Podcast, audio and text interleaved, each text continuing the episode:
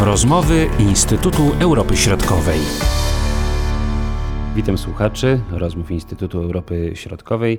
Dzisiaj rozmawiamy o sytuacji gospodarczej Białorusi. A moim rozmówcą jest dr Andrzej Szabaciuk. Witam cię Andrzej. Dzień dobry, kłaniam się nisko. Trwa e, wojna, którą prowadzi Rosja na Ukrainie. Jak wygląda sytuacja gospodarcza zarówno Ukrainy, jak i Rosji? O tym wielokrotnie mówiliśmy w ostatnim czasie. A jak wygląda sytuacja samej Białorusi, która można powiedzieć jest e, też bardzo blisko przecież tego konfliktu zbrojnego, no i wspiera e, państwo rosyjskie? Przede wszystkim, jeżeli chodzi o Białoruś, to oczywiście i sytuacja gospodarcza Białorusi jest konsekwencją jej postawy wobec samej Ukrainy. Czyli krótko mówiąc, poparcia tej agresji rosyjskiej poprzez innymi udostępnienie swojego terytorium, swoich baz wojskowych, ale także infrastruktury krytycznej, linii kolejowych, szpitali itd. Tak Ukraińcy oczywiście e, mają świadomość, jaką e, rolę pełni E, Ukraina w tej agresji i mało to świadomość, że atak na Kijów bez, bez tej pomocy białoruskiej byłby niemożliwy praktycznie. To też w pewnym sensie wpływa na stosunki gospodarcze ukraińsko-białoruskie. E, a one są o tyle istotne, że tak naprawdę Unia Europejska i Ukraina to byli dwa najwięksi odbiorcy białoruskiej produkcji po 2014 roku, czyli po agresji rosyjskiej na Ukrainę. Dlaczego właśnie tak się stało? No po prostu e, Białoruś zaczęła wysyłać znaczne ilości przede wszystkim e, benzyny, bo około 90% benzyny, która, e, trafiała, która była na rynku ukraińskim, to była benzyna białoruska. To wynikało z tego, że między, Ukra między Ukrainą a Rosją na skutek agresji zerwane zostały stosunki gospodarcze i ta wymiana gospodarcza na skutek wojny handlowej została zawieszona. E, więc Białorusini wstrzelili się w tą lukę i bardzo dobrze zarabiali na tym. Nawet po tych wyborach e, w 2020 roku, tych sfałszowanych wyborach prezydenckich, część e, eksportu białoruskiego trafiała praktycznie na cały świat przez Ukrainę, Odessę. W ten sposób te napięcia, które były w stosunkach z Litwą, wywołane między innymi właśnie tymi represjami po sfałszowanych wyborach prezydenckich, ale też w kontekście budowy elektrowni e, jądrowej w Ostrowcu i w konsekwencji też z sankcjami, które e, Unia Europejska i Stany Zjednoczone nałożyły na Białoruś za represje wymierzone w społeczeństwo obywatelskie. Praktycznie tranzyt towarów białoruskich przez Litwę został zawieszony, a to było tyle istotne, że na przykład około 90% nawozów mineralnych wywożonych było do odbiorców z praktycznie całego świata przez przez Litwę. Białoruś w tym momencie mierzy się z, e, z takimi dwoma kluczowymi problemami. Po pierwsze, e, jest to problem z odbiorcami towarów białoruskich. Tutaj głównie chodzi oczywiście o ropę naftową i produkty ropopochodne oraz nawozy mineralne. Bo Białoruś od lat korzystała z tego, że kupowała po niskich cenach ropę naftową i gaz ziemny z Rosji, a później sprzedawała przerobione surowce w postaci benzyny, oleju napędowego czy nawozów sztucznych między innymi do Unii Europejskiej, właśnie na Ukrainę, ale także dalej, ale najczęściej tranzytując te, te towary przez terytorium Unii Europejskiej, ewentualnie Ukrainę. Teraz widzimy, e, że w Polsce część zakładów zawiesiła produkcję nawozów sztucznych z powodu wysokiej ceny e, gazu ziemnego. Białorusini tego problemu nie mają, mają dalej e, bardzo niskie ceny gazu ziemnego, tylko nie mają komu tych, tych, nawozów sprzedawać z powodu sankcji oczywiście. No i kolejny problem to jest oczywiście tranzyt, o czym już mówiliśmy częściowo. W tym momencie jedyną możliwością e, sprzedaży towarów białoruskich to jest kierunek rosyjski, ewentualnie przez Rosję tranzytem na, na Daleki Wschód. Ale rynek rosyjski naprawdę on nie jest na tyle chłonny, aby aby przyjąć całą produkcję petrochemiczną e, białoruską i te nawozy oczywiście e, sztuczne białoruskie, a sprzedaż tych towarów e, do Chin czy ogólnie na Daleki Wschód, do Indii i tak dalej, ale przez Rosję jest o tyle problematyczna, że Rosjanie nie mają wolnych mocy przeładunkowych w portach, ponieważ sami sprzedają ropę naftową własną i własne nawozy mineralne a dwa, y, no też to jest konkurencja dla y, produkcji rosyjskiej, nie oszukujmy się. Czyli krótko mówiąc, Białorusini muszą rywalizować o tego samego klienta, o którego rywalizuje obecnie Rosja. Więc siłą rzeczy no nie, nie może Rosja dać bardziej konkurencyjnych czy preferencyjnych warunków producentom białoruskim, ponieważ to się odbije na kondycji jej przemysłu. Wydaje się to nielogiczne, bo Białoruś wspierając Rosję traci. Zupełnie inna by była sytuacja, gdyby y, Białoruś nie wspierała Rosji. Sytuacja gospodarcza pewnie by wyglądała inaczej. Rynki zbytu byłyby dalej utrzymane. Ja myślę, że to wynika przede wszystkim z tego, że Białoruś po prostu, czy Białoruś, reżim Łukaszenki nie ma wyboru. Jeżeli chce utrzymać się u władzy, to musi popierać Rosję w jej działaniach agresywnych wobec Ukrainy. Kosztem swojego społeczeństwa. Łukaszenka jest trochę tak, można powiedzieć, między młotem a kowadłem, mówiąc kolokwialnie. On musi y, starać się lawirować między presją rosyjską, a też pewnymi zagrożeniami, które się pojawiały na horyzoncie, bo zauważmy, że już w tym momencie e, ratingi tych największych światowych e, agencji ratingowych, one klasyfikują Białoruś jako państwo częściowo niewypłacalne. Rosja ma znacznie lepsze notowania agencji międzynarodowych i lepsze perspektywy.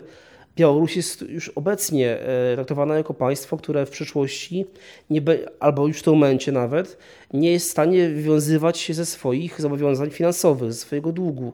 Łukaszenka ma tego świadomość, że kontynuowanie takiej e, polityki jest dla niego po prostu bardzo niebezpieczne, bo jeżeli będzie ulegał Rosji, to w konsekwencji Białoruś stanie się bankrutem de facto całkowicie zależnym finansowo od Rosji, o ile już, już takim bankrutem finansowo, całkowicie zależnym finansowo od Rosji nie jest. To jest jakby jedna strona medalu, ale z drugiej strony po wejściu w życie sankcji, e, tego e, czwartego pakietu sankcji nałożonych na Białoruś, który de facto wchodził stopniowo w życie i tak naprawdę wszedł na początku tego roku, w styczniu e, powiedzmy, plus tych sankcji amerykańskich oczywiście nałożonych e, na Białoruś. Możliwości sprzedaży produkcji białoruskiej do Unii Europejskiej i Stanów Zjednoczonych diametralnie się ograniczyły. Jedynym państwem, gdzie tak naprawdę Białoruś mogła sprzedawać swoje towary, poza Rosją oczywiście, z dużym zyskiem, to była Ukraina. Ukraina miała też możliwości pomocy Białorusi w tranzycie tych, to, tych produktów, towarów na cały świat praktycznie. Tak? Więc Ale to się skończyło. To się skończyło i właśnie z punktu widzenia Białorusi jest to katastrofa. E, my nie znamy dokładnie sytuacji gospodarczej białoruskiej w tym momencie, też z tego powodu, że Białorusini, że władze białoruskie ukrywają te dane. Już w tamtym roku te dane były częściowo niedostępne. E, Bielstat nie wszystko udostępniał. Teraz ta, ta zakres danych, które są utajnione, jest coraz większy. Między innymi obejmuje e, dług publiczny. Nie mamy szczegółowych danych, nie znamy dokładnie skali. Nie wiemy, jak, jak jest sytuacja, jaka jest sytuacja budżetowa Białorusi. Czy, czy Białoruś wywiązuje się z, z, tego, z tych zobowiązań budżetowych czy deficyt nie, e, gwałtownie nie rośnie. Te informacje, które mamy, wskazują na to, że deficyt budżetu białoruskiego gwałtownie rośnie, podobnie jak zadłużenie. I tu nie chodzi tylko o zadłużenie zagraniczne. Rośnie też zadłużenie firm białoruskich, państwowych, które nie są w stanie po prostu bilansować kosztów i zysków swojej, e, swojej działalności ponieważ są odcięte od eksportu, są odcięte od możliwości sprzedaży swojej produkcji na Ukrainę i do Unii Europejskiej. A dodajmy jeszcze jedną rzecz że wymiana handlowa e, Białorusi z Rosją, Chinami, które teraz są największymi partnerami e, handlowymi Białorusi, ona była z punktu widzenia Białorusi bardzo niekorzystna. Czyli, czyli ten bilans był ujemny. Czyli e, krótko mówiąc, Białoruś musiała szukać innych rynków, aby bilansować te, te straty, które miała w wymianie handlowej między innymi z Chinami i, i z Rosją. Tutaj chodziło, krótko mówiąc, jeśli chodzi, o Rosję, o opłacenie surowców węglowodorowych, które do kwietnia tego roku były opłacane w dolarach, dodajmy. Dopiero od kwietnia tego roku porozumienia między Rosją i Białorusią ta wymiana jest prowadzona w rublach e, rosyjskich. Te zyski, jakie, jakie czerpała wymiany handlowej e, e, z Ukrainą i Unią Europejską Białoruś były znaczne, bo przykładowo bilans handlowy z Unią Europejską w 2021 roku był 2,7 miliarda dolarów na plusie, z kolei z Ukrainą 3,9 miliarda dolarów na plusie. Ale dodajmy też, że 31% e, eksportu usług e, białoruskich e, poza granicę Białorusi, głównie chodzi o transport międzynarodowy, to była Unia Europejska, co też przynosiło miliardy dolarów zysku. Wobec tego, gdzie y, tutaj może pojawić się granica taka, która będzie powodowała, że Łukaszenka zmieni y, swoją politykę? Czy on już tutaj nie ma praktycznie nic do gadania? Ja myślę, że tutaj tak naprawdę dużo będzie zależało od tego, jak będzie przebiegała wojna, bo paradoksalnie jedyną szansą na uwolnienie się z zależności rosyjskiej e, jest przegrana Rosji. Przegrana Rosji, która mogłaby pociągnąć sobie jakieś zmiany polityczne, przetasowania, a nawet pewien chaos polityczny w Rosji, co by dało szansę Łukaszence na, na wypracowanie jakiegoś rozwiązania. Dałoby czas przede wszystkim, bo z każdym miesiącem, z każdym, z każdym e, dniem, można powiedzieć wręcz, ta zależność finansowa e, reżimu Łukaszenki od Rosji rośnie. I teraz Rosja będzie decydowała, czy ona udzieli kolejnego wsparcia finansowego Białorusi, czy nie czy będzie wspierała dalej e, ten reżim, ewentualnie może zażądać czegoś w zamian, na przykład sprzedaży kluczowych aktywów białoruskich. Mamy dwie duże, nowoczesne rafinerie, które częściowo oczywiście są już sprzedane w ręce rosyjskie, ale większość, pakiet większościowy póki co jest e, jednak w rękach białoruskich. Mamy przemysł właśnie e, chemiczny, drzewny. Białoruś ma kilka takich, można powiedzieć, e, atutów czy gałęzi przemysłu, które mogą być ciekawe z punktu widzenia Rosji i też perspektywiczne, jeżeli chodzi o inwestycje rosyjskie. No i chociażby sama nawet elektrownia jądrowa w Ostrowcu, za którą przecież Białoruś nie jest w stanie obecnie spłacać kredytu, który zaciągnęła w Rosji, więc ta, może stracić też ową elektrownię Białoruś na przykład. Tak więc sytuacja gospodarcza e, jest bardzo trudna. My wielu rzeczy też nie wiemy, to trzeba podkreślić. E, te informacje, które mamy, one są niekompletne bo sam reżim ukrywa te dane, ale z informacji, które trafiają do nas często z tych środowisk, można powiedzieć, opozycyjnych, widzimy, że realny poziom życia zwykłych Białorusinów drastycznie spada. Pensje też niejednokrotnie e, są obniżane. Między innymi w przemyśle petro, e, petrochemicznym, między innymi w rafineriach właśnie w, w Mozyżu i Nowopołocku te pensje spadły. Produkcja praktycznie też spadła o połowę w tych dwóch głównych rafineriach. E, ponieważ nie ma, nie ma możliwości zbytu ani benzyny, ani oleju napędowego, ani innych produktów ropochodnych. No i też po części ta sytuacja gospodarcza e, trudna jest konsekwencją złego zarządzania. Część tych zakładów przemysłowych, państwowych e, zarządzano takimi sowieckimi metodami, czyli często osoby niekompetentne, osoby, które nie miały wiedzy ekonomicznej, ale powiedzmy były z otoczenia e, prezydenta, czy z jakichś takich środowisk lojalnych wobec prezydenta, kierowały tymi zakładami, decydowały się na różnego rodzaju inwestycje, które potem okazały się po prostu ekonomicznego punktu widzenia nieopłacalne. Dalej, część inwestycji była prowadzonych z myślą o eksporcie do Unii Europejskiej. Na przykład e, elektrownia w Ostrowcu. Ona powstała z myślą o tym, że na skutek e, tych przepisów klimatycznych, które będą wdrażane stopniowo e, w Unii Europejskiej, ceny energii w Unii Europejskiej będą rosły, więc sprzedaż energii na Litwę, do Polski, ona będzie po prostu przynosiła ogromne zyski Białorusi i w ten sposób nie tylko uda się spłacić budowę elektrowni w Ostrowcu, ale też można będzie w ten sposób wygenerować zyski budżetowe, które się przeznaczy na inne cele. Tak więc tutaj te, te działania, e, one e, można powiedzieć nie były nielogiczne, tylko po prostu sytuacja polityczna i sankcje, które nałożył Zachód na Rosję spowodowały, że te kluczowe branże przemysłu białoruskiego, jak branża petrochemiczna, chemiczna, one są teraz w najgorszej sytuacji, bo one były też najbardziej zależne od eksportu do Unii Europejskiej i na Ukrainę. A co na to wszystko społeczeństwo białoruskie? Ja myślę, że tutaj mamy do czynienia z takimi dwoma zjawiskami. Oczywiście z jednej strony to jest taka e, trochę takie można powiedzieć no, załamanie, taka niemoc, brak perspektyw zmian, które obserwujemy w wypowiedziach poszczególnych osób. No to, to, to dotyczy tych osób starszych przede wszystkim, które one no, przeżyły różne trudne e, w swoim życiu okresy i liczą też, że to jest tylko chwilowe i minie i za jakiś czas wszystko wróci do normy. Ale młodzi e, no, coraz częściej chyba jednak decydują się na, na emigrację. Jest to zjawisko, które występuje na coraz większą skalę.